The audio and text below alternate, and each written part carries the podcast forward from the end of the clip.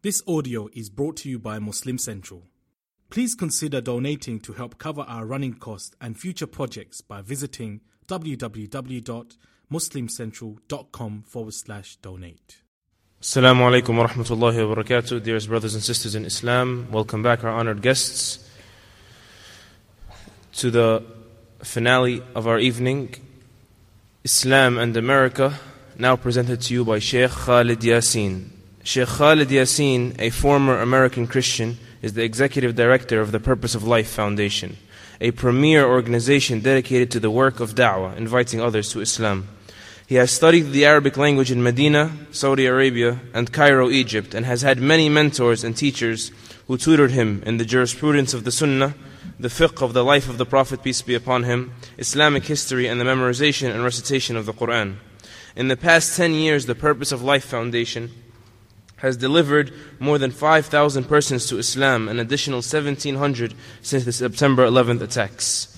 Sheikh Khalid Yasin delivered a lecture in Saudi Arabia in 1994 titled The Purpose of Life, which resulted in 43 persons accepting Islam on that very night. Sheikh Khalid Yasin constantly tours the world delivering lectures aimed at, accept, aimed at removing distortions about Islam and Muslims, conducting da'wah training courses, and providing new Muslims with a specially designed Islamic training program. Sheikh Khalid Yasin is committed to raising the consciousness of the Muslims to fulfill the responsibility of da'wah and the establishment of the Islamic revival. Concluding his lecture, we'll have our question and answer session. For all those that have questions, the cards and pens are available in your envelopes. And the speakers will come out and you can address the question to whatever speaker you would like and present the questions. They'll be recited by me and answered by our honored guests. Without any further ado, Sheikh Khalid Yasin.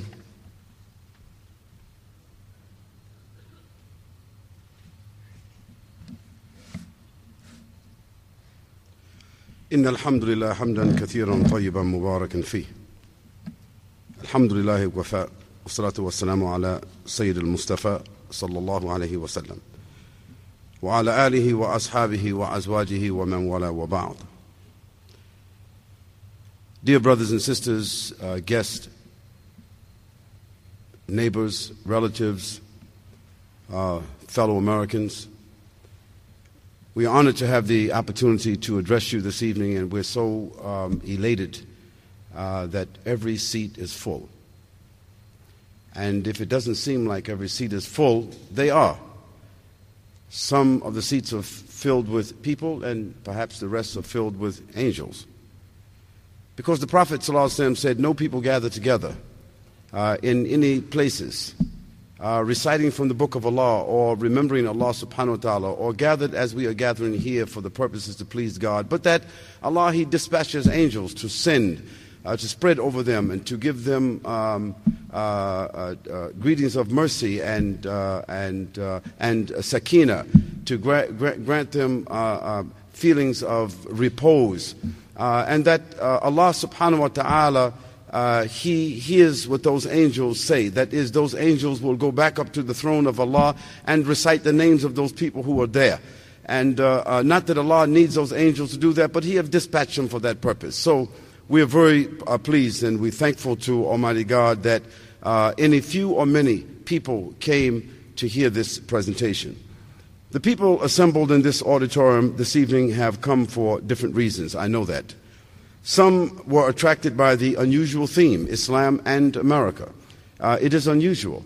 Uh, we could have said Islam in America. We could have said Muslims in America. We could have said Muslims and uh, uh Muslims and America. We could have said many things, but we said Islam and America because Islam is a noun and, and America is a noun. Both of those nouns need to be qualified. The other thing is that we wanted, for the first time, we wanted to initiate um, uh, a movement, uh, a, a conceptual movement, to put Islam and America in the minds of every America. Islam and America. Not Islam versus America or America versus Islam or uh, with some kind of uh, controversy or some kind of antagonism. No, we wanted to say Islam and America because we believe that Islam is good for America. And we believe that America has some very good prospects for the Muslim world. And I hope to uh, expound upon that in the course of my discussion this evening. I know that some people here came because they were religiously or politically motivated, and that's okay.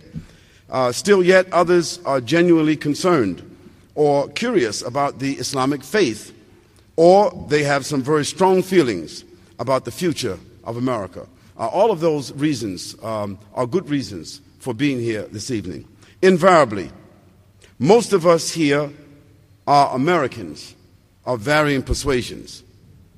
That is the main reason why we launched this particular campaign, because we think that there are enough Muslims that are conscious Americans, not just Muslims who have become Americans uh, uh, from the definition of citizenship, but conscious Americans who believe that they have a right uh, to question and they have a right to participate uh, in the direction uh, and, uh, and in the, the legacy and in the future of this country. For myself, I am a Native American, born into a poor family of Christian background. I decided to embrace the Islamic faith about 42 years ago. It is my faith that drives me to make these comments this evening, but it is my citizenship as an American that makes me feel obliged to do so. I have to admit that most of my adult life I was justifiably conditioned to be angry at my country. A country that brutally enslaved my forefathers and designated their descendants, whom I am a part of, to a perpetual cycle of poverty. That's their plan, but Allah plans better. Yet, as I traveled the world and grew older, I was able to see and appreciate how truly fortunate I am to be an American. Now, some Muslims may not feel like that, and I don't care if they don't feel that way. I'm expressing what I feel. I think after traveling the world and visiting more than 37 countries, I say for myself that I feel truly fortunate to be an American. In fact, I am grateful to Almighty God to have the best of both worlds. That is, to be a Muslim and to be an American. With that statement, I want to begin my presentation on the theme Islam and America. Now, I have to admit, the task is challenging and loaded with controversy. Yet, in my humble opinion, serious and constructive dialogue has to be initiated. Because Islam is and will continue to be a central issue in American society. No one can deny that, and no one is able to reverse that. The two speakers before me have done a wonderful and effective job of identifying the values and the sources of both Islam as a faith system and America as a society. They have also touched upon some of the critical issues and challenges facing Muslims in the American society and American in general. If someone were to comment that there are a lot of serious problems facing Muslims in their own countries around the world, I would certainly agree. And I think those same problems in the Muslim countries inevitably impact upon us right here in America.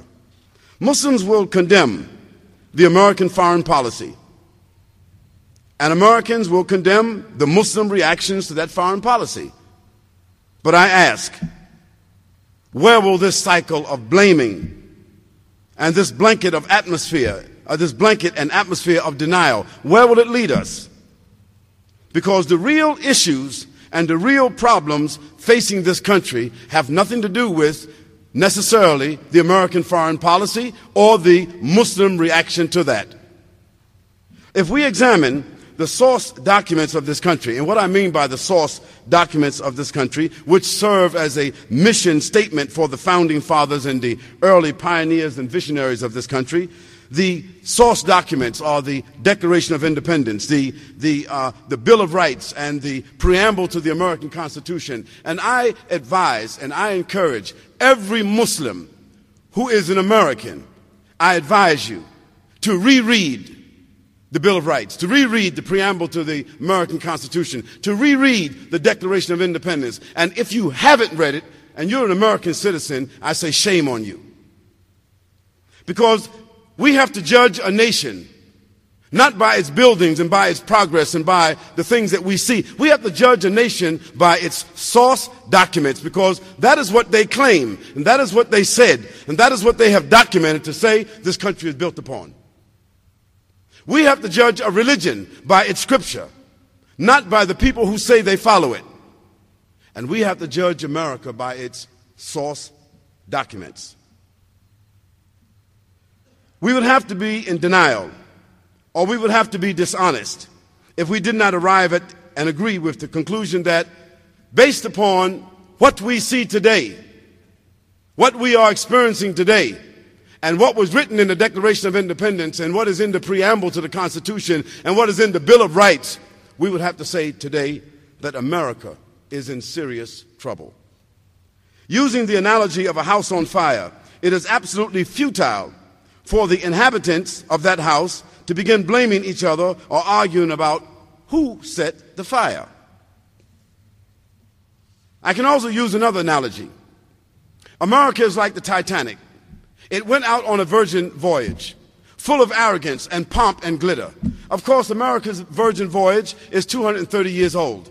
But yet and still, America is still to the world on its virgin voyage, full of pomp and full, of glitter and arrogance and not thinking to themselves that they have set their boat out on the ocean of the world. And so the Titanic, the Titanic went out, and what happened? While they were enjoying themselves, while they were full of pomp and glitter, and while they were dancing and singing and, and thinking about where they were going to go and about this beautiful boat that they were on, lo and behold, it hit an iceberg. So history tells us that when the Titanic hit the iceberg, within two and a half hours, this ship that people said was unsinkable, it sank in two and a half hours, and only a few people were saved. I say that America is a ship out on the ocean. It has hit an iceberg, and it will sink very soon unless the people that are part of this country straighten it up unless we straighten it up, unless we correct it. Because America has hit an iceberg. Let me go through a few things to emphasize my point. As of September of this year, the United States of America has $8 trillion in national debt. Now, if you don't understand what $8 trillion of national debt means, I'm going to give you some ways. If you were to divide the national debt by 300 million people who are the population of America, it means that every American citizen that is born, that is living right now, and will be born this year is born with $30,000 of debt just by being an American. Now, on top of that, you have the debts that you will concur as you live and most of us have at least fifty or sixty thousand dollars additional debt to that. I say America is in trouble. American public is crippled with two epidemic diseases, which the government has chosen to exploit rather than to eliminate. Those two diseases are alcoholism and gambling. I want to give you some statistics regarding that. 90% of the Americans drink alcohol, and nearly 15%, that is 45 million, are problem drinkers. There are nearly 5 million teenagers in America who are problem drinkers in the United States, and over 100,000 people die every year directly related to alcohol. The average American gambles 8,000 of their hard earned dollars every year. 50 million Americans gamble every single day. And more than $50 billion is spent annually in America on gambling. Now, if you want to understand what kind of revenue that is and why the government took over gambling about 15 years ago, let me tell you why. Because $50 billion is more than the combined profits of U.S. Steel, General Motors, General Electric, and a hundred of the largest companies in America.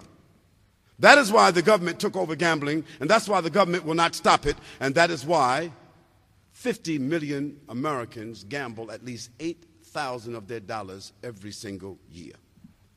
In the USA, one in every five Americans will die of a smoking related disease.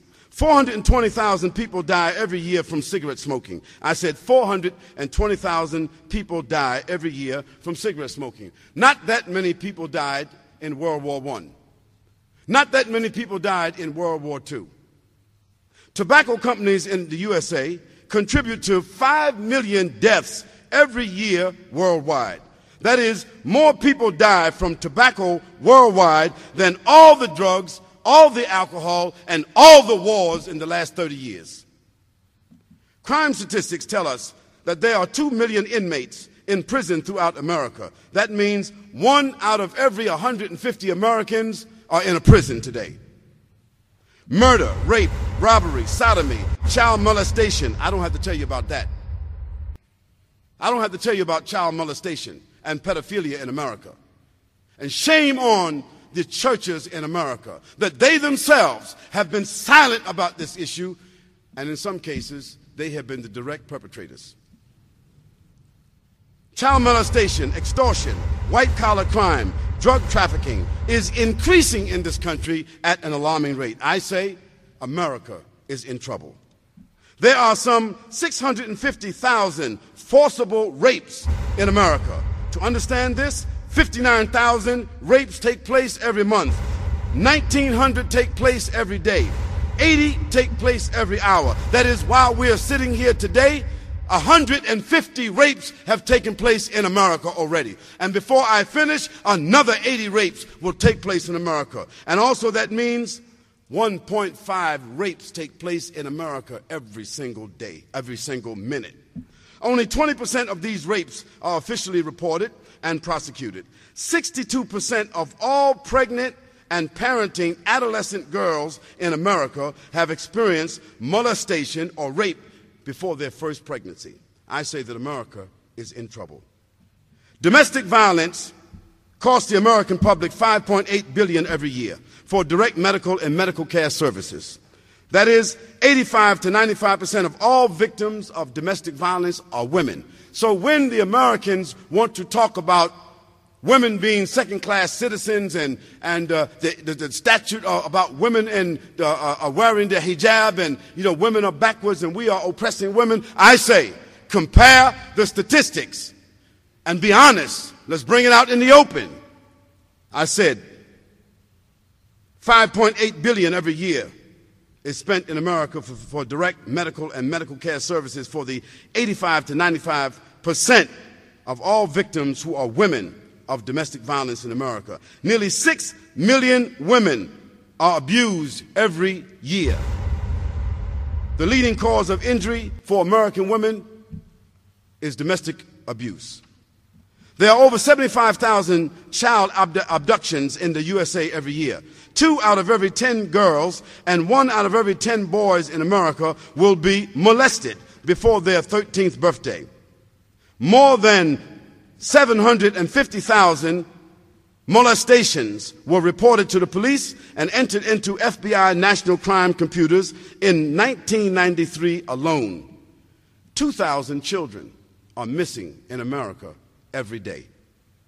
There is a growing trend of mass murders by children the age of 15 to 16 who, for no apparent reason, decide to bring high powered automatic weapons to their school and with premeditation, with planning, murder their classmates, the school staff, and then after that, kill themselves. I say that America is in trouble. Seven out of ten children, 10 years old and up, listen to gangster rap and play video games which condition them to kill, curse, disregard their parents, social authority, or moral parameters. For every hour of schoolwork that American children do, they are listening to CDs, iPods, watching videos, and playing video games for six hours. For every one hour, they do classwork in America. The pornography business in America is, 10 bil- is a $10 billion industry, which equals that of the movie, music, and sports industries together. DirecTV alone makes nearly 500 million a year from adult content on their network. Pornography dominates the internet. If you type the word sex on the Google search engine, you will get 180 million hits just for that one time that you put the word sex there on Google. I say America is in trouble. A very immoral, dishonest, and imperialistic foreign policy has made the USA one of the most hated countries in the world and the most polarized country at home. Civil liberties are being compromised in favor of a 21st century global police state. This is the new initiative of a group called the New American Century. America is in trouble. The majority of Americans have inadequate or no medical coverage, and most Americans who are senior citizens will spend most of their lives, the rest of their lives, living below the poverty level on Social Security and pension checks. Although they have invested 40 or 50 years of their lives to support the so called American dream.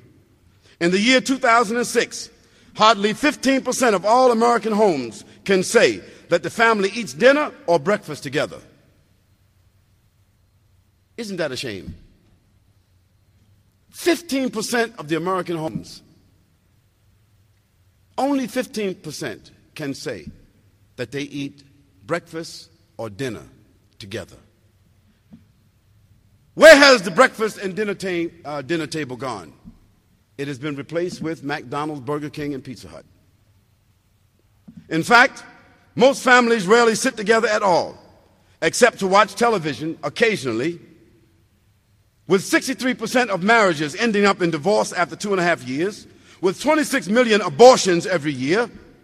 And think about that 26 million abortions in America every year. And with same sex marriage being force fed upon Americans. That is, whether we like it or not, it is projected that 8% of the marriages in America 10 years from now will be same sex marriages. Therefore, I say the traditional family in America has all but disintegrated. The bottom is falling out of America. The core American values found in every court and inscribed upon every currency in God we trust. I wonder who the we are and what God they're talking about. It has vanished. And we're living in a country where it's okay for young people to have promiscuous sex. It's okay for promiscuous sex to be promoted in the school, but yet we're living in a country where prayer has been outlawed in the school. The church, the synagogue, and the mosque are silent and sterile in the face of a very blatant and aggressive campaign of hedonism. And if we don't understand what the word hedonism or hedonism is, it means the inordinate commitment to the fulfillment of physical pleasures.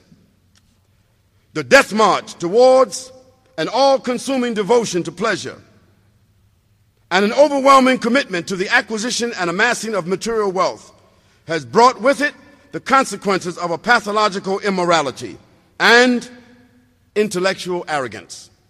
Immorality is the absence and the denial of the consideration of the human obligation towards Almighty God. Immorality is the chief symptom of rebellion and rejection of divine mandates and the human tendency to disregard the fact that they are not the rulers or the creators of themselves. The American society is sharing and manifesting the same symptoms of ingratitude and deviation as other great civilizations in history before them has displayed before their pathetic and dramatic demise. I say that America is in trouble. Yes, America is the leader of the world. It has the most powerful economy, the most powerful military, the most powerful, sophisticated, technologically and scientific institutions. It has produced the most powerful and prolific transnational corporations, and it affords to its citizens, most of them, the highest guarantees of civil liberties. Yet, it is facing perhaps one of the most challenging tasks in its 230 year history. America and Americans must decide whether they will respond to the voices of conscience, whether they will re- respond to the divine scripture of Almighty God. There are diversified voices calling for a change in this society and a moral reformation. And in my humble opinion, all of these voices must be listened to, even if we don't agree with their overall projection or platform. We have to listen to everyone who is calling for moral reform of this country. And now I have myself personally, in the last six months, I have read and listened to at least 30 or 40 of the major voices calling for reform in this country. And I have personally evaluated their diversified opinions. And many of them I have chosen to respectfully but strongly differ with. People like Pat Robertson and Jerry Falwell and Robert Spencer and uh, David Piper and uh, uh, uh people like this. I have res- decided to respectfully differ with them, but they do have one of those voices. I also have listened to people like Noam Chomsky and Robert Pilger and George Galloway, the so-called new socialists, and I have gleaned something from them. But I say to them, you have to come back to God. It is not just about the society. I have listened to people like Dr. Z- uh, uh, uh, uh, Zaid Shakir and uh, Brother uh, Dr. our Imam Hamza Yusuf and, and others who have presented an intellectual paradigm for America on the basis of morality. And I say we have to listen to all the voices and we cannot reject any. I have listened to Brother Ibrahim Hooper, the voice of the people called CAIR. I have listened to them. I've listened to them carefully. I've listened to Muzammil Siddiqui. I've also listened to our president. What's his name? Oh, Mr. Bush. I've listened to many of these voices and I have evaluated their diversified opinions. And as I said, I have chosen to respectfully and strongly differ with some of them. Yet, I realize that most of these voices consider themselves to be a part of the moral majority of this country. And I say that it, this country has a moral majority. And it is not just all Christians or not just all Jews or, or not just all just uh, Americans who have those kinds of backgrounds. Muslims form a part of the moral majority of America. I believe that most Americans, irrespective of their conditioned prejudices and human shortcomings, are basically decent and moral minded and hard working people. I choose to appeal to all of these people of the moral majority. This is what my message is about. This is whom I'm directing it towards uh, uh, uh, for the most part. I am suggesting that we, the moral majority in this country, the Americans who are concerned about this country, the Muslims, the Christians, the Jews, the Buddhists, the Hindus, and anyone who has a moral platform, platform and is concerned about this country, I'm suggesting that we engage in the business of mending moral fences. I think that we each need to begin mending the fences of our personal lives, our families, our neighborhoods, our particular congregations, our, our particular political cons- constituents, and inevitably we need to begin mending the moral fences of the American society. To do this, we must overcome religious, intellectual, and political bigotry and political chauvinism. We must allow and encourage everyone, and I say everyone, to reform and repent. We have to leave room for everyone to reform and to repent. Whether those incarcerated in those, and uh, whether those incarcerated or those in the free society, whether those in the ghettos or those on Capitol Hill, whether those in the church, the synagogue, the mosque, or those in the street, we must be aware that there are evil persons and terrorists in the government, in the mosques, in the synagogues, and the churches. They use their political and religious camouflage to assassinate leaders and assassinate their characters.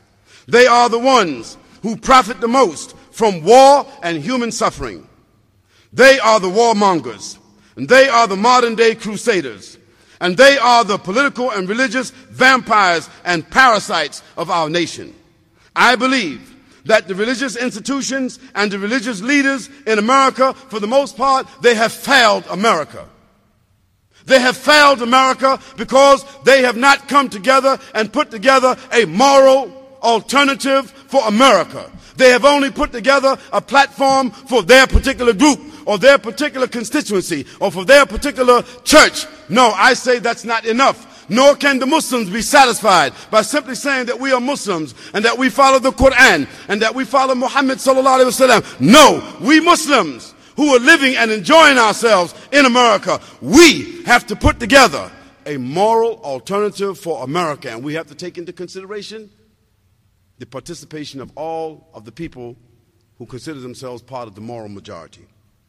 I say that we must insist upon the true voice and message of Jesus Christ, the Son of Mary. I say that we must insist upon the true voice and message of Moses. We must insist upon the true voice and message of the Prophet Muhammad, peace and blessing be upon them. Now, I cannot speak for the followers of Jesus Christ, alayhi salam. I cannot speak for the followers of Moses, alayhi salam. But I can speak for the followers of that final prophet and messenger of Almighty God, Muhammad sallallahu alaihi wasallam. That is because I am a Muslim. And the scripture, and, and I can say that the scriptural morality that is in the Quran and the scriptural morality that this nation is in need of is found in the Quran. And I can say that the systemic morality that I can offer to my country is what I have found in the system of Islam. And I can say that the human example of morality that I can offer the people of America is the profound character of the Prophet Muhammad sallallahu alaihi wasallam. That is why I have embarked upon challenging the American people and I have embarked upon the challenging task of placing Islam and America as a subject as a consideration and a proposition because I believe that America is a house on fire and I believe that America is in trouble. And I believe that following the graphic analogy of the people in the house cannot afford to waste time blaming the graphic analogy that America is a house on fire. The people in the house of America, they cannot afford time to waste time blaming, accusing, and arguing about who set the fire. No, first and foremost, all of us who are concerned Americans, we have to put our collective moral resources together to do what? To put out the fire. I cannot speak for Americans of other persuasions, but I can confidently say that the Quran has the water to put out the fire of immorality in America. And I can say that the Quran has the medicine to provide the healing that America is in need of. And I can personally say that the Quran has the nutrition to provide the new strength that the Americans and America needs today. Now there are those who will tell you and who will say that Islam is a pariah for the American society. They will say that we Muslims, we are terrorists. They will say that we are fanatics. And they will claim that we are extremists and they will even dare to compare us with historical fascism. Mr. Bush, shame on you. You have shown the highest level of ignorance and disregard for the Islamic faith that any president of this country has ever shown. And you have shown your own ignorance even of history or the, or the, or, or the English language. Shame on you. I realize that they will claim that their sole nature is to protect America from a clear and present danger. They will preach their hatred of Islam in the name of God. And they will slander, insult, and vilify the Quran, the Prophet Muhammad wasallam, and the Islamic faith, also in the name of Jesus. First of all, I say, and I think that you will agree with me, that this kind of behavior slandering, insulting, and vilifying historical and religious personalities. I think that this kind of behavior is not only ungodly, but if I might say, it is also unchristian. Furthermore, it is totally un American and unconstitutional to suggest that some American citizens should be denied a voice in participation in the social and political process of this country simply because they are Muslims or because of their faith. For the record, we want to say that there is only one Quran for the entire world of 1.6 billion Muslims, Christians, and Jews. You cannot say that. And it is the most widely read and in demand book in the world. And if you don't believe that, go to your Google, Gaggle, Giggle, or whatever you like and check it out. Call Waterstones. Call Barnes and Noble. Call the top libraries in this world. Call the top booksellers in this world and ask them what is the most well read book in the world and which book is the most in demand in the entire world. They will tell you, if they are honest, it is the Quran. It is the only sacred scripture that has produced and sustained a functional civilization with clear guidelines for the executive, the judiciary, and the legislative branches. For the record, we want to say that the life, character, and traditions of the Prophet Muhammad wasallam has been documented in greater detail than any other world personality in recorded history. Therefore, hundreds of highly trained biographers, historians, and laypersons have had, have had open, unabated opportunity to comprehensive and objective research for their purposes to examine the life and the traditions of the Prophet Muhammad, peace and blessing be upon him.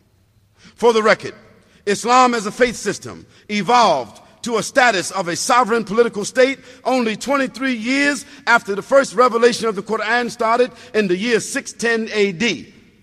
It remained as a sovereign political state under the guidance of the Quran and under the guidance of the Prophet ﷺ until the last part of the 15th century. That means over 800 years the Quran provided this world with a sovereign political state with an example and a paradigm of the executive, the judiciary, and the legislative branches for the world to see. That sovereign political state included two thirds of the entire world at its height. It should also be noted that it was this same Islamic civilization that gave birth or renaissance to the European civilizations who were previously experiencing what is popularly referred to as the very dark ages. We don't need to defend the Quran. We don't need to defend the Prophet Muhammad وسلم, or the Islamic faith from the people who slander, insult, or vilify. Neither will we reciprocate their foul behavior. Their hatred and their enmity towards Islam is a very complex historical pathology that is best treated with honorable disregard and avoidance.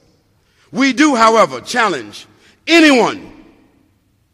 We challenge anyone who cares to accept our challenge to open public dialogue on the authenticity and the viability of the Quran in today's world, or the phenomena or the moral example of the Prophet Muhammad. sallallahu alaihi wasallam. We think that this is the most dignified way to resolve prospective and perceived conflicts and misunderstandings. We want to make a call to any American intellectual or any American leader or any critic of Islam or anyone who is slandering or vilifying Islam or the Prophet Muhammad Sallallahu come out of your roach closets. Come out in the open. Come out and sit down with open and clear dialogue bring your evidence and bring your proof, and then also bring your moral alternative for America.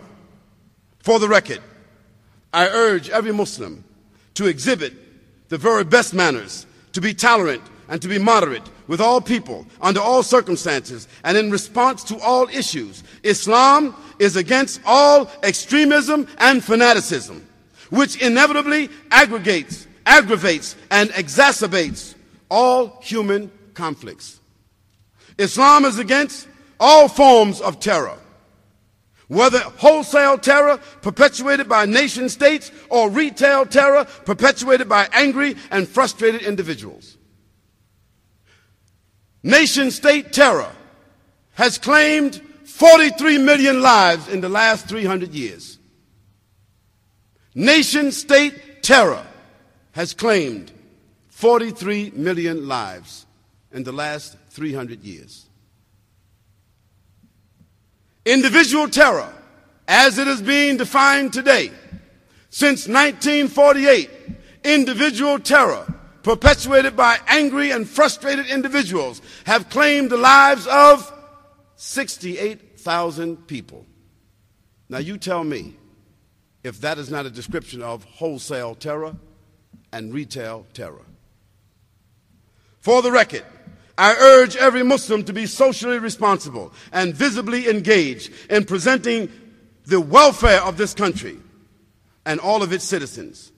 O Muslims, it is immoral, it is unfair, and it is negligent for you and me to be in this country benefiting from its resources, eating from its institutions, seeking refuge and asylum from its government apparatus. It is unfair, it is immoral, and it is negligent on the part of us not to have a genuine concern for this country. O Muslims, not to do so is to be selfish and clearly ungrateful for the assets and the liberties available and reasonably guaranteed all Americans.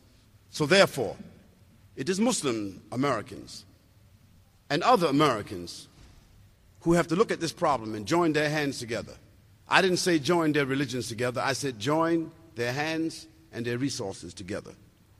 And we challenge any and all fellow Americans to compete with us in our responsibility towards decent, dignified, and mutually productive citizenship and genuine concern for the welfare of this country. We encourage every American to read the Quran with an open mind and an open heart, removing, if they are able, every prejudgment and every preconditioning and every subjectivity. I encourage every American to read, assess, and compare the life, the mission, and the message of the Prophet Muhammad, peace and blessing be upon him. You should research, examine, and critique until you are able to make your own conclusions. Use the same criteria to compare and measure all other historical personalities in the world, past and present, with the Prophet Muhammad, peace and blessing be upon him, and see what conclusions you come up with. I believe that when the Quran is read sincerely, and when the human example of Muhammad sallallahu alaihi wasallam is reviewed sincerely, and when the facts concerning Islam are known without misconceptions, without distortions, the, the misconceptions and the distortions that are disseminated by ignorant or ill-mannered Muslims or non-Muslims. The results will be what we are witnessing in America today. Since September the 11th, a date that America wants to carve and, and burn into the consciousness of everybody in the world, as if nobody died before September 11th and nobody died since. But if America wants to use September 11th as a benchmark, then let's use it as a benchmark. Let's look at this statistic. Since 9 11, Muslims have been splattered and battered. Their countries have been shattered. Muslims have been debased. They have been disgraced. Muslim lands have been abused and went into and raped and robbed and stole and killed and innocent Muslim doors have been kicked down and thrown into prison and Muslims have been uh, talked about in the worst circles and, and the worst manners all over this world. The headlines are full every single day of spurious and filthy regards towards Muslims. In fact, you can't think of the word Islam. You can't think of the word Muslim without thinking of at least three or four or five other filthy adjectives like terrorism, fanatic, extremist, so forth and so on.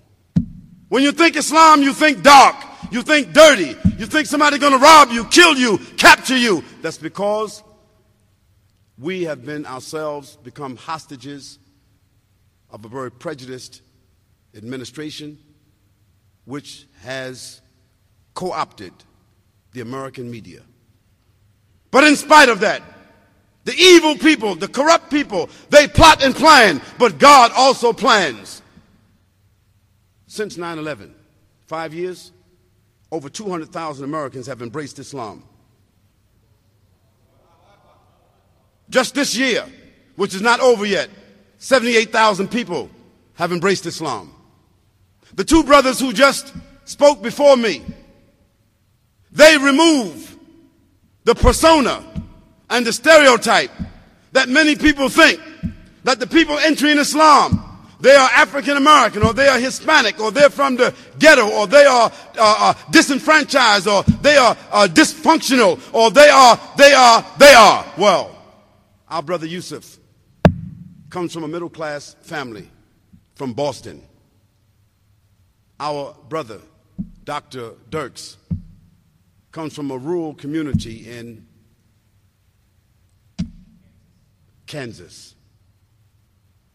They are as much Muslim as anyone in the world. And they are as much American as any American. And they are part of the phenomena of people that are entering Islam in spite of the conspiracy against Islam. I believe that America desperately needs and deserves a new moral alternative to reform and repair its spiritual vision, to revitalize and inspire a national initiative to arrest and resist every diabolical and parasitic element that promotes and profiteers from immoral enterprise. I believe that America and Americans, we don't need to look far to find that alternative. The alternative is here, right in your face, and we must seize the opportunity today. We must begin to speak about Islam and America without antagonism. We must begin to speak about Islam and America without anger, without prejudice, and without animosity. Islam is not the enemy of America, and Americans are not necessarily the enemies of Islam, as many on both sides of the spectrum would want us to believe. I believe it has been demonstrated that Islam is good for America and that America has shown from its industrial productivity, America has shown that it has much to contribute to the Muslim world. The Muslim world can learn much from the institutional morality of America, the institutional uh, uh, values and resources of America. But America has much to learn from Islam. There are the meaner elements of the Muslims and the non Muslims who would have their own personal and ideological agendas and who will oppose and attempt to frustrate this kind of proposition. They want the conflict to continue. They want the war to continue. They want a Muslim holy war, if that's what they call it, and they want a Christian crusade, if that's what they want to call it. They want that because that is the only thing that will justify their narrow agendas. I say we have to oppose these narrow types of crusades. We should not be deceived and we should not be discouraged by these kinds of adversaries, either from the ranks of the Muslims or from the ranks of the non Muslims. I say we have to embark upon this mission in order to foster and cultivate a strong and lasting relationship between Islam and America. A relationship consisting of complementing values, compounded resources, and a nation of people committed to moral reformation. We believe that this relationship is critical, not only for the American society, but this relationship is critical for the modern world, which America has so much impact upon. I am not calling for a one world religion or a one world state. I'm calling for America and the world to look at Islam. Why? Because it is sent by God. It is a message sent to America by God. The handwriting is on the walls, and Muslims are in every place in America. America will not be able to say that the message of God, the message of the Quran, the message of the Prophet Muhammad, peace and blessing be upon them, or the message or the example of Islam did not come to them. It has come, it has arrived. And Americans need to listen. I ask the Almighty God to be a witness to what we have proposed here today and to approve our sincere intentions. We ask the Muslims and the non Muslims who are here today to ratify our proposition and to transmit this message to their families, their friends, their colleagues, their neighbors, and their co workers. Dear brothers and sisters, we are honored to have had this opportunity to address you. I speak on behalf of uh, Message International and the Islamic Information Network. I speak on behalf of the two speakers who spoke before myself. I speak on behalf of all the, uh, the Muslim leaders I believe in America. I speak on behalf of many Americans that I have spoken to. We are asking you to be a part of this proposition and to look for and to speak for uh, this kind of proposition. We are committed to giving this kind of a presentation all over the Northeast. And then after that, we will move to the Southeast. And then after that, we will move to the Midwest and we will move to the Northwest and down to the Southwest until this proposition has reached every major city in America because we believe this proposition is what Americans need. And we believe this is the proposition that will put Islam and America on the front. And that everyone will be able to examine it for themselves, and everybody will be able to make their own determination, their own critique. And this is what America is about receiving information and digesting information and making decisions for themselves. There will be a question and answer period.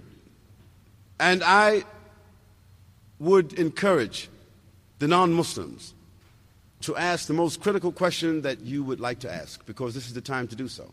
Uh, the other thing is that um, uh, we invite you to go to our websites. Um, we will provide you with all of our websites so that you can go there and visit and see the projects that we are working on. Uh, I specifically uh, uh, invite you to go to the websites so that you can get a transcript of the lectures that we're giving here today because uh, each one of the speakers were required uh, to present, uh, to make their presentation in the form of a transcript. Because in many cases, speakers come and speak to us, but we don't have any reference of it later on. So, one of the things that we're doing in this series that we're going to do all over the country is that we're going to be inviting different speakers, and not always Muslim speakers. We're going to be inviting different speakers to come and make a presentation to the American public on a subject of Islam and America. And we're going to ask them to do it in a transcript form so that when they finish and people go home, if people have questions and, and, and reactions and opinions about what they've had to say, they can go to the website, they can download it, and they have the transcript of it right in front of them. Also, we say that every uh, uh, uh, non Muslim that is in, in, here uh, in the room tonight, uh, this was really more for you than it was for anyone else. Can I see the hands, please, of the non Muslims who are in the audience tonight, please? One, two, three, four, five, six, seven, eight, nine, ten, eleven, twelve, thirteen, fourteen.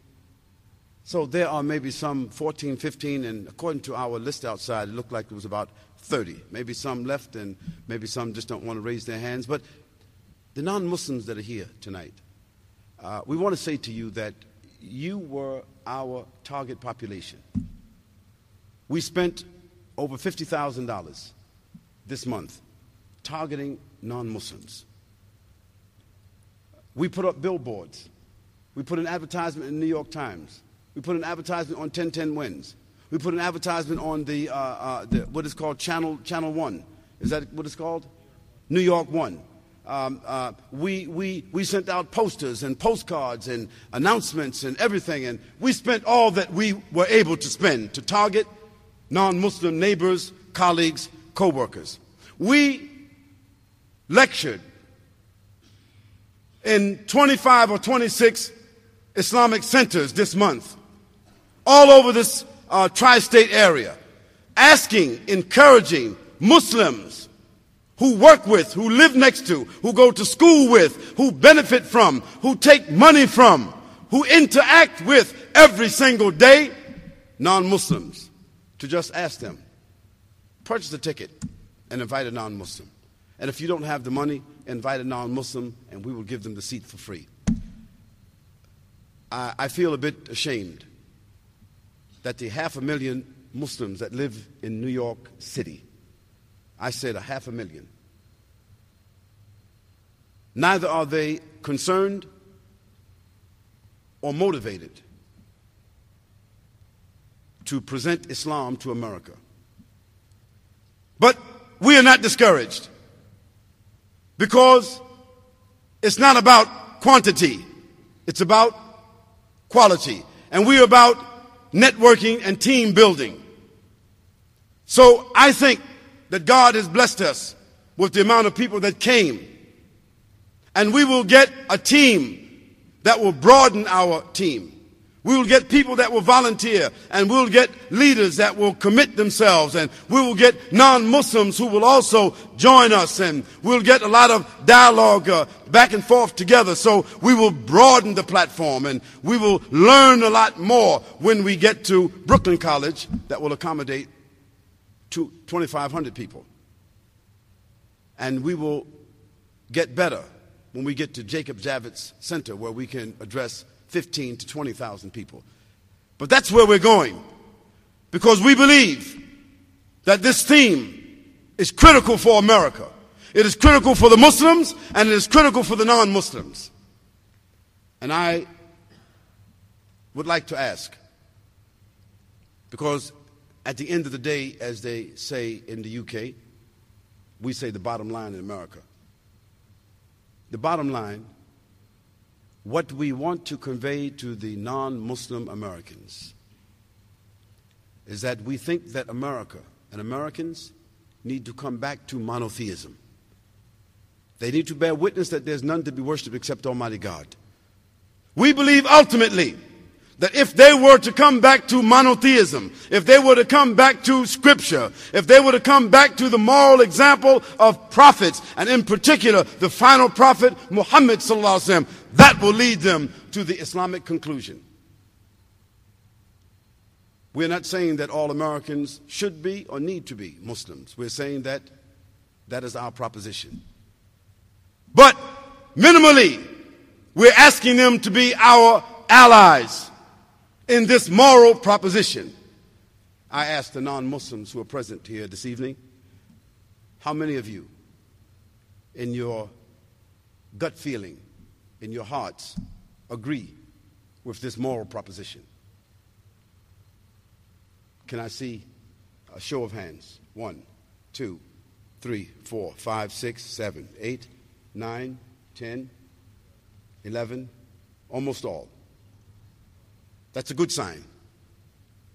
Because if you believe in the moral proposition in general, then it means that you are headed down the same path that we are headed. And that your voice will start to blend with our voices. And one day you may even pray as we pray. And you may even think as we think. And you may also decide to conform yourselves to monotheism.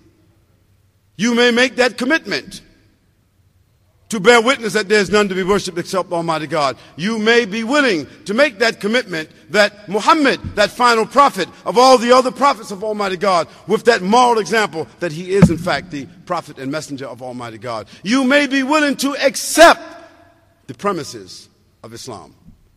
And that is a proposition within itself. And I would ask Is there any non Muslim in the room this evening that would accept the premises of the Islamic proposition? Can I see a show of hands, please? Any non Muslim that would accept the premise that there's none to be worshiped except Almighty God, and to accept the premise of the moral example of the Prophet Muhammad, peace and blessings be upon him. Is there any non Muslim that would accept that proposition? One. One.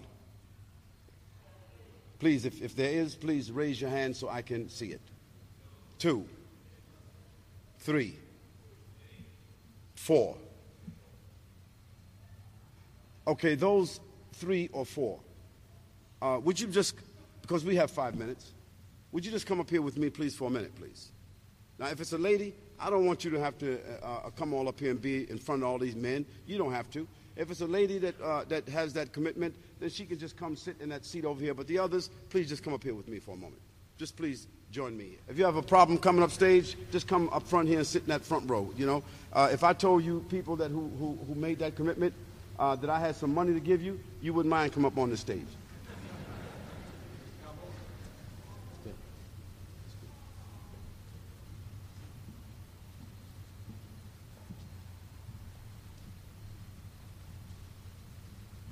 Come stand over here, brother.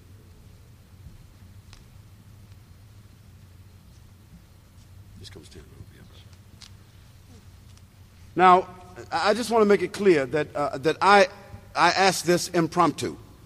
This wasn't part of the agenda. This wasn't part of the plan.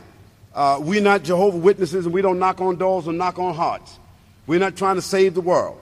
All we're trying to do is convey the moral premise of Islam and try to uh, call Americans back to their moral responsibility. But we cannot just simply talk about morality and not offer people the key and the door to enter to collect the treasures of Islam because Islam doesn't belong to Arabs or Asians or Africans or anyone.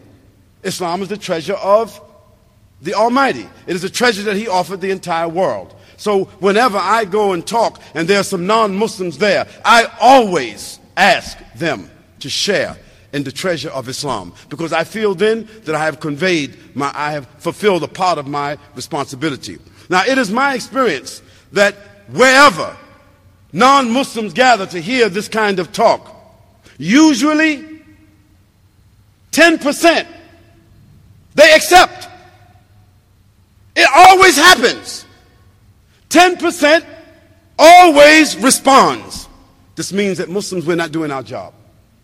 Because we have on the list about 30 non Muslims that signed, that received a free ticket and came in. And how many people do we have here? Three, four, four. So this is proof. These four people are people just like you and I. Uh, we, never, we didn't talk to them before. We didn't set nothing up. We didn't offer them any money. They didn't come here specifically with the idea to embrace Islam.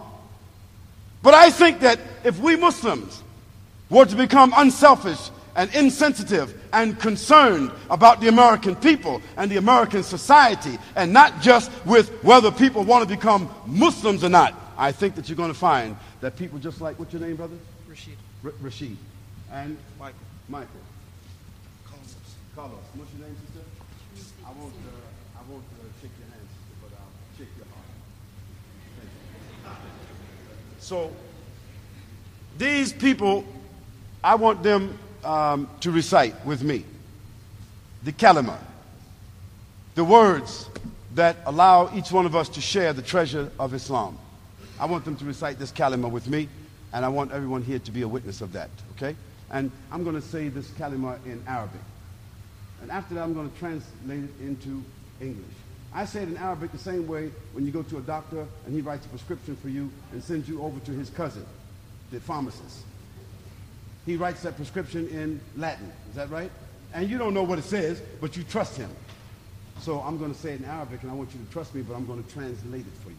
Is that, is that okay? Okay. Uh, it is the saying of, after me, La ilaha, La ilaha. La ilaha, La ilaha. إلا الله. محمد رسول الله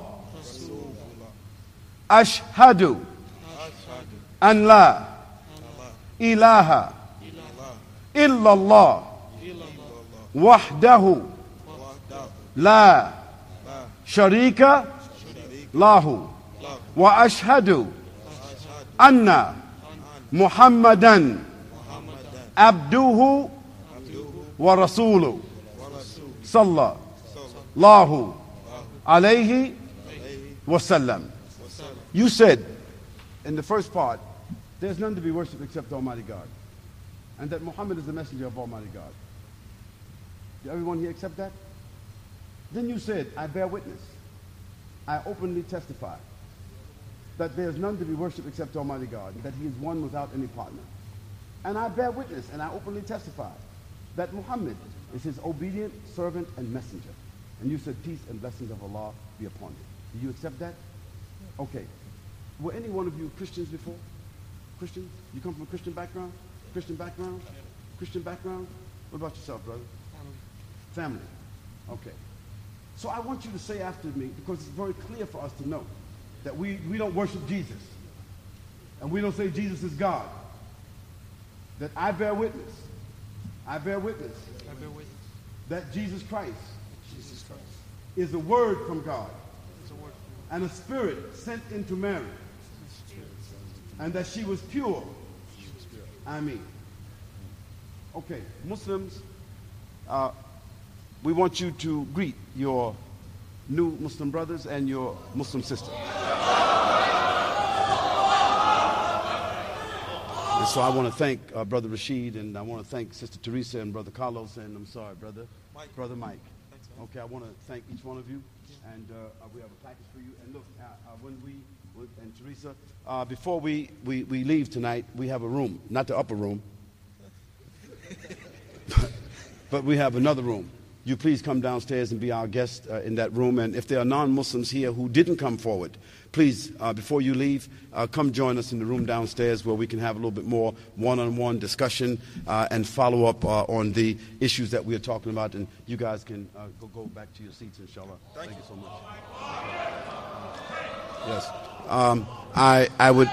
I would ask the uh, I would ask the uh, Muslim sisters, please, uh, to sit next to uh, Sister Teresa uh, and uh, escort her uh, es- escort her to the room uh, uh, that we have for our further and special discussion.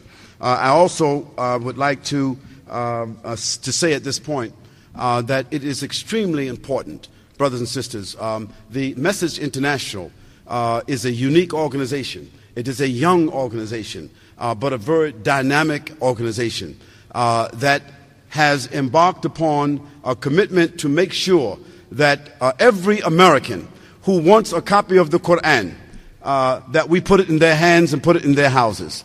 And we are delivering 6,000 Qurans every month. And we are finding that out of those 6,000 Qurans that we are delivering every month, we are finding that 600 Americans are accepting Islam from those 6,000 Qurans every month. We are also finding that we are distributing 10,000 of the books called the uh, Know the Messenger, sallallahu alaihi wasallam. Uh, know the Messenger of the Prophet Muhammad, peace and blessing upon. him. We are delivering 10,000 of those books every month.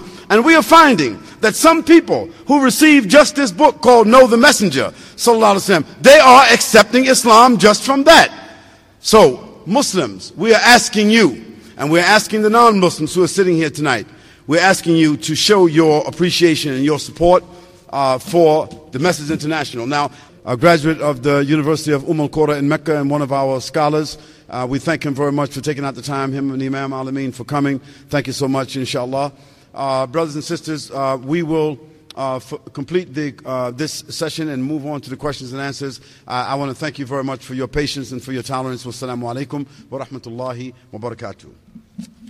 We're going to begin, inshallah. The first question is for Brother Yusuf. It says, Mr. Brandon, what triggered the conversion to Islam for you? I, I meant to cover this in more detail, and I got too talkative during my talk, so I'll cover it briefly.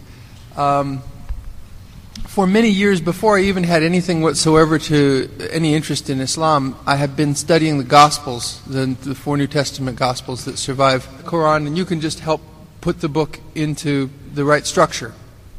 So I made this agreement with the publisher, and having made that commitment, I said, "Well, now I'm going to write this book about the Quran. I better read it." And uh, that was uh, that was the beginning of my journey to Islam. I, I found myself coming back over and over and over again to the message of the Quran. It's very magnetic, very powerful, speaking to me personally about my relationship with God. And uh, the, there's a verse in Quran that says something to the effect of, and this, other people know the exact wording I, that I'm paraphrasing here, to the effect that in the in the verses of the Quran you have a, a, a way to determine what's true and false in the previous scriptures. And this was my direct experience: is that the verses in the New Testament that I felt certain had to be authentic, both from my own personal interpretation and the work of some of the best scholars in the world, aligned perfectly with the message of the Quran. And that was why it was a very powerful experience for me, and that's what changed my life. It was no individual that gave me da'wah about this. It was, initially, it was the Quran. Why don't Muslims stand up to the media when they misinterpret the Islamic faith? I, I, I for one, do. But uh, you also have to appreciate that the, Mus- uh, that the media has some selectivity in uh, who they uh, cover. And it's, it's been my experience that uh, the media has not always been very good or very faithful in providing equal time to Muslims to explain what Islam is actually all about. Um, so I, I think there are people out there who are doing it, uh, but the media simply is not choosing to cover them. How should a non Muslim father be treated who says he is not interested in coming and curses at it, but yet seems to, ask, to always ask questions about Islam? I think that father, um, the father of that uh, person who has that experience, uh, you have to be patient. Um, a child from a non Muslim family who starts to read Islamic materials and starts to associate with Muslims uh, and starts uh, gravitating towards a faith that many uh, people are conditioned to think is terroristic or, uh, um, or um, to be extremist or fanatic or whatever, I think that's going to cause a bit of concern and trauma uh, on the part of those parents, even if it is not justified. So I think that if we look at the early Muslims, they experienced that also. So I think that uh, we should be patient and understand that um, uh, when you start talking about Islam and coming to Islamic uh, events uh, and associating with Muslims, and you're a non-Muslim from a traditional Catholic family or Buddhist or Hindu family, you should expect your family to take you out for dinner and congratulate you and, uh, and say how great it is. No, be patient and bear with them. And when your father or mother says things like that, be kinder to them. Reverse it on them. Uh, uh, uh, do better chores in the house. Uh, do better, uh, have, get better grades in school. Start show them by, that your interest in Islam is actually causing you to be a better human being.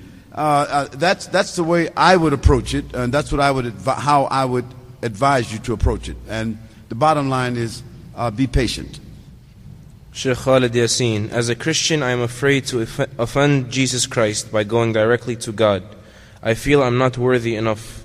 Can, any, can anyone elaborate on that feeling and how, I, how can Islam fill up that feeling? Well, uh, just think about this. Um, Jesus Christ, um, when uh, he was asked about uh, his performance of miracles and how he did that, um, he, uh, in one, um, on one occasion, clearly said, I can of my own self do nothing.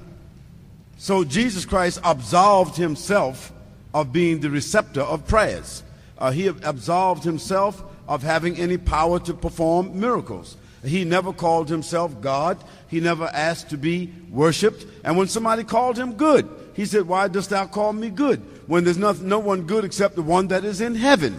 So, I mean, I think that uh, if you really want to tune into Jesus Christ, make sure it's the right Jesus Christ. Because there are people who lie on Jesus and there's people that misrepresent Jesus. And so there's two different, or three, four, five different Jesuses in the world today. You got to make sure you found the Jesus of Scripture and you're following the Jesus who is the historical Jesus who prayed towards God, who fell down on his face and worshiped God, and who said that when he was asked by the people, Oh, Rabbi, teach us how to pray. He said, Our Father who art in heaven. You know, uh, uh, Father, from a spiritual meaning. our Father who art in heaven, not, my, not his personal Father. You know, hallowed be thy name, not my name. Thy kingdom come, not my kingdom come. On earth as it is in heaven. You see? God's rule and, and God's presence and God's domain and mandate is over the heavens and the earth. Give us this day our daily bread. So he talking about he eats bread and his mother eats bread. Okay? He drinks water and his mother drinks water. So after you eat enough bread and water, you got to urinate and defecate. So God didn't urinate and defecate. And then you just keep going with the Lord's Prayer. And you will see that Jesus Christ, the Son of Mary, was a man, a prophet, and a messenger who prayed towards God. And if you want to follow Jesus, you got to pray exclusively to God. Will all my previous sins be forgiven if I convert to Islam? Oh, can I take this one? Can I take this one? Can I take this one? Yeah, uh, uh, uh, b- before Brother Yusuf uh, answers that question, I, I, first, I, I just want to make sure that that question was not asked by someone who already became a Muslim. Because if it wasn't, then after we ask the question, then we want that person, Come up here. to come up here. yeah, we want that person, That's right. you see, because we want to clarify that issue, uh, uh, and he will answer it very clearly. But we want to make sure that, alhamdulillah, maybe that's another person who uh, didn't want to come forward and wasn't clear, uh, but they are almost like sitting like on the edge uh, to collect this treasure called Islam. So, Brother Yusuf, please. I did extensive research on this question before accept, accepting Islam, and the answer, alhamdulillah, is yes. All of your sins will absolutely be forgiven. Uh, not all your debts. Because if you owe money, you can't come into Islam and then you don't owe nobody. but, but if you accept Islam, the Prophet Muhammad, peace and blessing be upon him, said that accepting Islam eliminates and negates all the sins that you have done that between you and God. Now, if there's something you did against people, you need to go to them and apologize and make amends. But whatever you have done between yourself and God by accepting Islam, your slate is completely clean, and yes, God has forgiven you. That's what the brother has said. Sheikh Khalid, what is one major difference between Christianity and Islam? Is there the, what is the major? What is one major difference?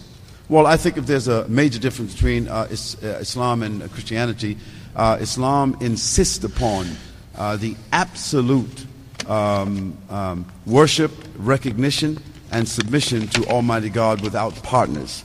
Whether those partners be I, uh, uh, uh, from, uh, from a point of uh, idea, or whether those partners be from um, people or substances, any partners, or for that matter, prophets or angels. That's one major difference. Uh, the other uh, uh, major difference, I think, between Islam and Christianity is that Islam takes its sources directly from the Quran and directly from the example of the Prophet Muhammad, peace and blessings be upon him, where Christians take their sources from almost everybody and everything. If, if I could elaborate on that, there are several basic areas of disagreement, uh, but there are not that many actually. One is what is the nature of God? Unity according to Islam, Trinity according to traditional Christianity. Secondly, what is the nature of Jesus? Humanity according to Islam, combined humanity and divinity according to traditional Christianity. Third major issue is the crucifixion event. Uh, according to Islam, Jesus was not crucified. According to traditional Christianity, he was. Fourth major difference what was the mission and ministry of Jesus? According to the Quran, it was limited to the children of Israel. Traditional Christianity says it was a worldwide mission and ministry. The other disagreements would have to do with the status of Muhammad as a prophet. Islam obviously saying yes, traditional Christianity saying no. The status of the Bible as divine revelation. Uh, Islam basically saying, well, some things have been tampered with. Traditional Christianity saying, this is the Word of God. And finally, what is the status of the Quran? Islam, of course, upholding the Quran as divine revelation, Christianity refusing to see it as such. Who announced the coming of the Prophet Muhammad and what is the prophecy of Muhammad sallallahu alaihi wasallam? You know, if, if you look at the Bible as it has been received today, there are numerous passages which Muslims will look at and say, well, that's obviously describing Prophet Muhammad. Uh, Christians, quite frankly, will often look at the same passages and say, I don't see it. One of the things Brother Yusuf and I were talking about earlier today is what, when you look at biblical prophecy, you know, it's a, and I'm a clinical psychologist by training, so I'll use this analogy. It's a lot like looking at a Rorschach ink blot. People tend to project onto it what they want to see. But as far as there being a clear, definitive statement which is unambiguous that everyone can agree on, is that to be found in the Bible? No. Not as we have the Bible today. I'd like to add that the, uh, the other second half of the question was what prophecies did uh, uh, Muhammad, peace be upon him, make? There's actually a fairly extensive list of, of uh, signs of the end times, which makes rather sobering reading if you feel like tracking it down. Uh, and that's certainly worth uh, worth examining. I, I don't have the reference for you, but it's it's quite compelling. There's also a, a prediction quite startling in Quran about the victory of the uh, Byz- Byzantine, Byzantine. army, the victory of the Byzantine army over the Persians, which was uh, s- fulfilled to the letter uh, after it was revealed to the Prophet, peace be upon him. Yeah, I'd like to come back to something here too, and and at the risk of becoming too academic, please forgive me if I do. Prophecy, prophethood, prophet, these are words that are used very loosely in the English language. If you go back to the root word in Arabic, nabi for prophet, in Hebrew, nevi, both go back to an earlier language, the Akkadian language. The word nabi in the Akkadian language, what it means literally is to speak for. That's it, to speak for. In a religious sense, to speak for God. This is what a prophet is someone who speaks for God. In the original etymology of that word, there is absolutely no implication of foretelling the future. Uh, uh, uh, going back to the question uh, about um, the prophecy of Jesus Christ, um, uh, peace and blessings, um, um, peace and blessing of God be upon him. I'd like to say um, that there is um, what I would consider to be uh, a reliable reference, although there's no um, um, consensus among Bible scholars or Muslim scholars about this here. Uh, uh, in one of the books uh, that were expunged or not accepted by the Catholic Church called the Apocrypha, there is a, a book called the Gospel of Barnabas. And that book um, um, is available. Um, and, uh, and it is considered by many uh, Bible scholars and historians to be uh, a, a book of uh, uh, uh, re- reliable scripture and giving the accounts of the life and message of Jesus Christ. And if we were to consider that book one of the expunged writings um, from one of the actual disciples of Jesus Christ, Barnabas, he was a actual disciple of Jesus Christ. He was called blind Barnabas because he was blind. And he was one of the people that met and walked with Paul and introduced Paul of Tarsus to the other disciples who rejected him, uh, Paul. So if you read the Gospel of Barnabas, there is uh, unequivocal, clear uh, uh, references to the Prophet Muhammad, peace and blessing upon him, which is part of what uh, Barnabas recorded from uh, Jesus Christ, and God knows best. Why make one religion look better than the other? Um, I don't think it's a matter of uh, uh, one religion being better than another or one prophet being better than another. Uh, it's a matter of the evolution of God's um, revelation uh, to mankind. Uh, Almighty God uh, sent Adam as the first man and prophet. He sent the Prophet Muhammad as the final prophet. All the other prophets and messengers came in between. Uh, he selected some of them as prophets only, and he, and he sent others to be messengers and prophets.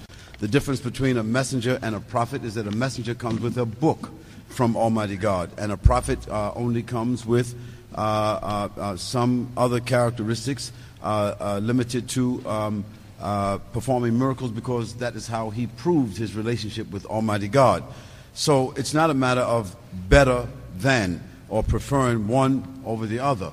It is more the case of that uh, each prophet came to his people, and then and then after that, uh, the message was either lost or it was contaminated. So God sent another prophet and another prophet and another prophet until he sent the prophet Muhammad, peace and blessing be upon him, to either confirm what had come before or to deny what came before, and then to finalize and seal the prophethood, and to finalize and seal the revelation, and to finalize and complete the, the, the system called Islam. So uh, this, I think that it's just a matter of um, if you had a computer when they only had a Pentium 1, uh, it's not matter, you know what I'm saying, what better, but I think today, if there was a Pentium 5, you wouldn't have no dispute. so maybe that's not a good analogy. That's a great analogy. So uh, the Prophet Muhammad, peace and blessing be upon him, is the final prophet, the final messenger. The Quran is the final scripture. Okay, and the Islam is the completed message of Almighty God to the whole of mankind. So I think that you would probably like to have what is final, final, complete, okay, and direct from Almighty God. That's the issue. Where do you stand in the statement, America, love it or leave it? You know, the, if you have a family member and you love that family member deeply, you, you don't express that love always in terms of, you express that love in different ways at different times depending on the relationship. And I guess I would respond to it by saying that you can love the country deeply, and there's a great tradition in our country of loving America deeply by pointing out areas that there's a challenge and helping to help address those challenges. And there's a lot of areas that we talked about tonight where America has great promises, beautiful aspirations, and the, the most uh, free exercise of religion on the planet. And that's wonderful, and it's beautiful, and we honor that and respect that. But if you have a family member who has a pathology, you, you have to love the, express the love for that family member who has a pathology by helping them see a doctor. Hmm. That's how you do it. Compare the religions. Make one religion look better than the other. Yeah. So the question is, if we pray, if we pray to the same God with different names, why do we have to have different religions? And this is another thing we were talking about earlier today. There's a very beautiful verse in the Quran that says that if Allah subhanahu wa ta'ala had wished, He could have made mankind all one deen, all one nation. But He chose to do otherwise, and since that's the case, we want to compete in the doing of good deeds and the uh, attraction of blessings. So that's, an, that's uh, I think, one answer from the Quran. I also want to go on record as saying that the dating of the Barnabas gospel is, is kind of controversial and it's, it's a matter of scholarly debate. I want to pick up even further on that because there are a lot of extravagant claims made for the gospel of Barnabas by Muslims who have unfortunately confused two different books the epistle of Barnabas and the gospel of Barnabas. There is no mention whatsoever anywhere in Christian literature a mention of the gospel of Barnabas prior to the Gelasian decree of the early 6th century. All the other references from Irenaeus, etc., are to the epistle of Barnabas, which is a totally different book. If Jesus is a part of Islam and a prophet of Islam, salam, then why was he Jewish? I, I don't know who asked the question, but uh, you know, to, why was he Jewish? Jewish in what sense? Uh, Jewish, on the one hand, is an ethnic term. On the other hand, it's a, it's a term of religion. Certainly, Jesus was one of a long line of prophets who were sent to the Jewish people both as an ethnic group and as a religious group. Um, many of the prophets that I mentioned in my opening uh, statement uh, from the Bible Elijah, Elijah, uh, Jonah, etc. Islam accepts all of these as prophets. And yet, from modern uh, use of the word, we would say they were all Jews. So there's, there's nothing unusual in Jesus uh, having been a Jew and still being a prophet of Islam. Perhaps the confusion is that you're dating the start of Islam with the first revelation given to Prophet Muhammad in 610. Whereas, as I noted in my opening remarks, from a Muslim perspective, Islam is a series of revelations that begin with Adam and then continued on, as the Sheikh was saying, in a progressive, evolving revolution, a revelation, with additional revelation being paced to the spiritual development of humanity. Yeah, I, I would also just like to um, say to, to the person who asked that question and others who um, um, may be deliberating with this. Um, we don't have uh, a problem in Islam with uh, the ethnicity of prophets, um, and we don't have a problem with the ethnicity of people. Uh, and so the issue of religion and revelation and ethnicity, um, uh, or Jews becoming Muslims, uh, or whatever, is not an issue with us. And as a matter of fact, uh, I'd like to point this out, which is a very unique characteristic of the Quran.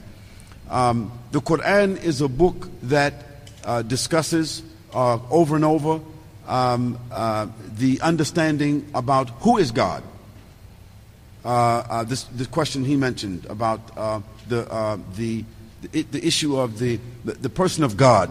Who is God? How do we worship God? How do we witness God? What are his characteristics? What are God's uh, uh, uh, attributes? Then, secondly, the Quran is preoccupied with discussing the stories of the prophets uh, over and over. And then, of course, uh, then the Quran uh, uh, also discusses uh, laws that will lead to the refinement of human behavior that will help people to reach their final destination in the akhirah. Now, in regards to the stories of the prophets, uh, the Quran is preoccupied and filled, for the most part, with stories about the children of Israel. I mean, you would think that it would be sto- stories about the, you know, the people about around the Prophet Muhammad, peace and blessing be upon him. But no, God wants to emphasize to us over and over and over th- this whole stories and issues about the children of Israel. And the name that comes up in the Quran more than the Prophet Muhammad, peace and blessing be upon him, more than any other name, is Moses. So um, uh, um, uh, uh, one should read the Quran and understand that uh, Almighty God is not preoccupied with ethnicity uh, in conveying to us His message, and neither are we. If you were a Christian and wanted to convert, should you experience that passionate rebirth if you convert to Islam? Look, I think that, um, and I'm just going to say, talk, say, say this in a kind of like a graphic way. You know, you know, if uh, you entered a tabernacle church or you know, when he's born again, whatever, you know, and you want to join whatever, you know, you know, you, you may have to testify here, you know, roll around or whatever it is, and then after that, go in the back and go into a pool of water. But we don't have that in Islam.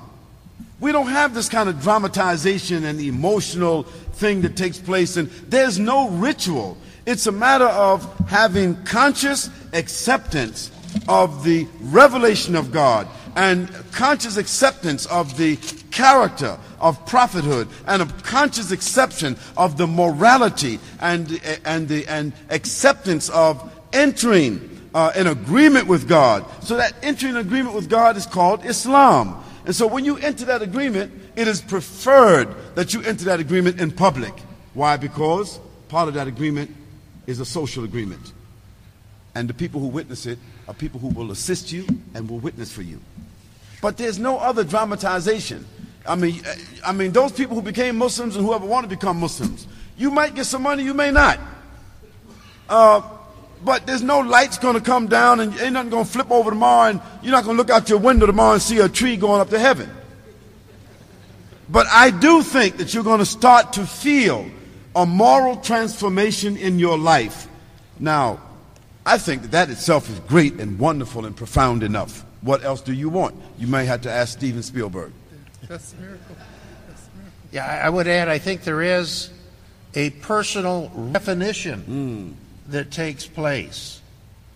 And metaphorically, yes, that could be considered a rebirth of sorts, but not the public drama. Yeah, It's a personal redefinition. Good. I like that one. I'll use that again. Personal You can have redefinition. I like that, Sheikh. I have been attending Islamic events for years. There is never a female on the panel. Why? Can a female Muslim from the audience also answer? Well, there are no females here. Let me add, however, that I have been on many panels, Muslim panels, where there have been females. Um, and Alhamdulillah, praise God, I think the presence of a sister on a panel or as a speaker adds a great deal to the presentation at times and is especially important in counteracting certain stereotypes that may exist in the minds of non Muslims. Uh, if, if, you don't mind, uh, brother, I'd like to just say something that uh, to the person who asked that question. First of all, we have to admit um, that part of the personification of Islam in the world today uh, happens to be attached to um, culture.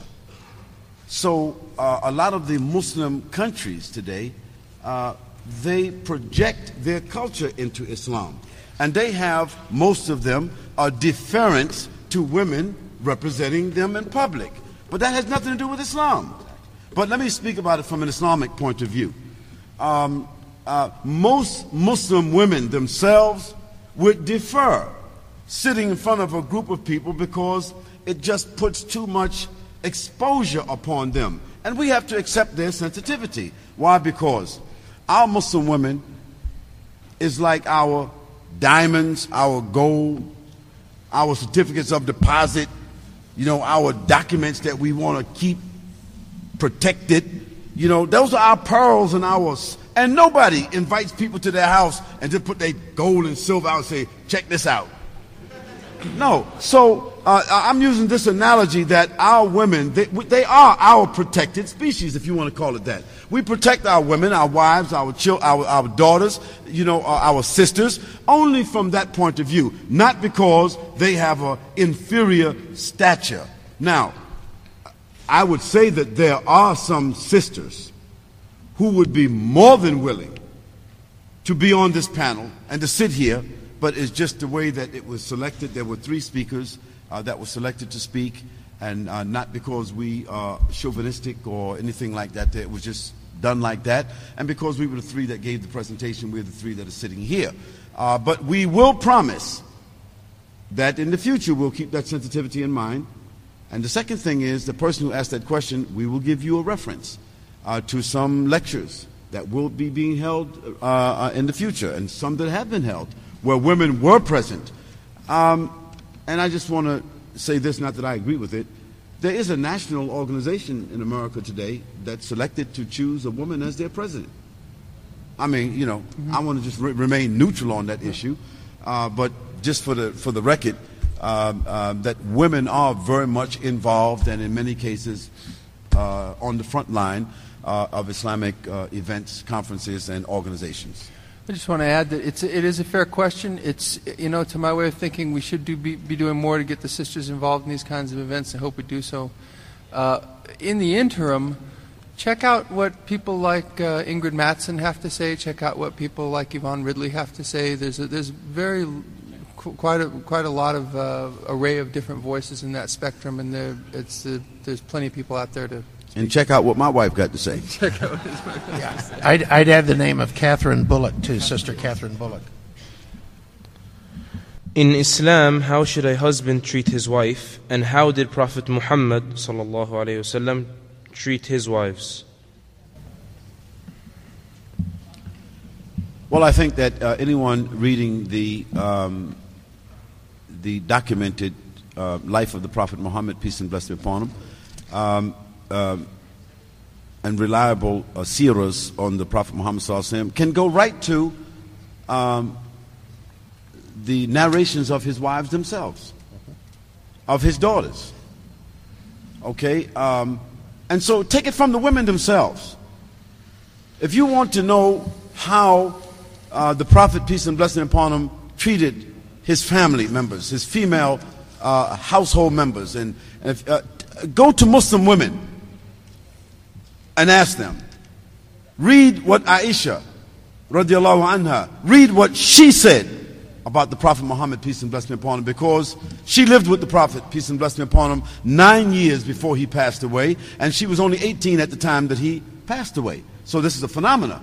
Okay, the other thing is ask anyone what Khadijah, his, the, um, the, uh, uh, anha, what she thought about the Prophet, peace and blessing upon him, uh, that she dedicated her life uh, uh, to the support of the Prophet, peace and blessing upon him. Ask his daughter, Fatima, you know, who was married to his, his, his, um, his nephew, Ali, radiallahu anhu. Ask Fatima about the Prophet, peace and blessing upon him. And then ask Muslim women who themselves tried to model themselves after uh, the, the, the Muslim uh, uh, women who were companions of the Prophet, peace and blessing upon him. Uh, just to, to, to, um, to, to say directly, the Messenger of Allah said, The best of you is he who is best to his family. And I am the best of you. So the Prophet uh, exhibited the very best conduct to his family, his wives and his daughters and his children. Uh, and so we're following that example. And I say, look for in history any historical personality or any Christian or any scriptural personality that treated and dealt with and left a legacy regarding his, the women uh, better than that of the Prophet Muhammad, peace and blessing be upon him. And in his farewell uh, sermon, the thing that he pointed out, and he spent a lot of time on his farewell sermon, was admonishing the Muslims about the women, about their treatment of the women. So I say that about our Prophet Muhammad, peace and blessing upon him, as a matter of history and documentation. Let me just add one thing, just in the nature of full disclosure, because it needs to be said, and when it happens in a public setting, I feel like I have an obligation to say it. Husbands, Muslim husbands, have an obligation under the Sunnah to help with household tasks and chores, and that was part of his example, and it's one that we're obligated to follow. Allahu Akbar.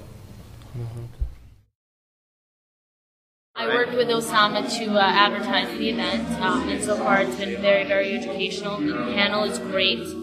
Um, it's great to see such a good turnout. I have definitely learned a lot. Um, I'm a Christian, um, but I've learned a lot about Islam. I never really had any bad misconceptions about the religion, but um, but just learning how it relates to Judaism and Catholicism is very interesting. So I'm happy to be here. I grew up in a very diverse household, so we were always very accepting to other cultures religions. So for me, it wasn't um, a problem uh, at all. Uh, I think that on the other hand, further, I think that it was it's great when you put an organization together or when an organization comes together to educate, you know, Americans. I, I've always thought that that was important, and so any educational seminar, I love to work with. Well, when I had sat down with Osama, and this might be a little embarrassing, um, a couple of weeks ago, there was references to Jesus Christ, and so I wasn't aware that in the Quran there is a message about Jesus Christ. For me, I learned that. Um, you know, there's definitely a lot of things that I learned, but off the top of my head, you know, I'm not I'm sure I can vocalize them now. It's, it's been very interesting. Yes, uh, I, I've, I've been wanting for some time to uh, to uh, see uh, some actual expression of, of, what Islam is actually about. Uh, you, you, don't learn, of course, anything from the from the news media. This, uh, that, that, that isn't a place for for, for in-depth discussion of anything really. In, in a lot of cases, and much much less re- religious beliefs and, and moral guidance. Um, Uh, I was uh, uh, introduced uh, by, by some discussions with, with, with a Muslim friend, uh, uh, a Pakistani friend and co-worker at work, and we, we've had some very interesting discussions, not not only among or between him and, and myself. I should say that I'm I'm Protestant Christian. Uh, the um, but uh, it, it was a discussion not only between myself uh, and, a Muslim, but uh, but also we got a, a, Hindu and a couple of Jews involved from from a few diff- different um, perspectives, and it, it, it's it's it's very interesting uh, how, how many places we disagree, but uh, but the but the extent to which it's it's not so important uh, in some ways, uh, at least certainly not in the way that that, uh, that it, it, would affect how we uh, uh, treat each other, the, the respect with which we treat each other, um, and you know that that that one thing is, is probably the, the, the single most unifying aspect among us. I think that we're required to to, to regard God and our neighbor as uh, uh, as our important, most important responsibilities I like it. Um, there were a lot of key things, like exa- um, especially the treatment of women. That was very key because you do hear a lot of stories um, in the Middle Eastern countries where a lot of women don't have rights, and it's good to hear that that's not condoned by the Quran, and it's not condoned by you know Muslims. You know that it's wrong and that they do have rights. And at one point in time, you know, they were allowed certain things that people who were non-Muslims allowed. So I, I like that part a lot. My friends that are Muslim are beautiful. Um, they're very good, they're very open, very inviting. Um, and I think I need to have a better awareness of people who are other from other places, other cultures, and other religions because that's what being tolerant is about. Um, that's what being, you know, all embracing is about, and I think a lot of people need to do that.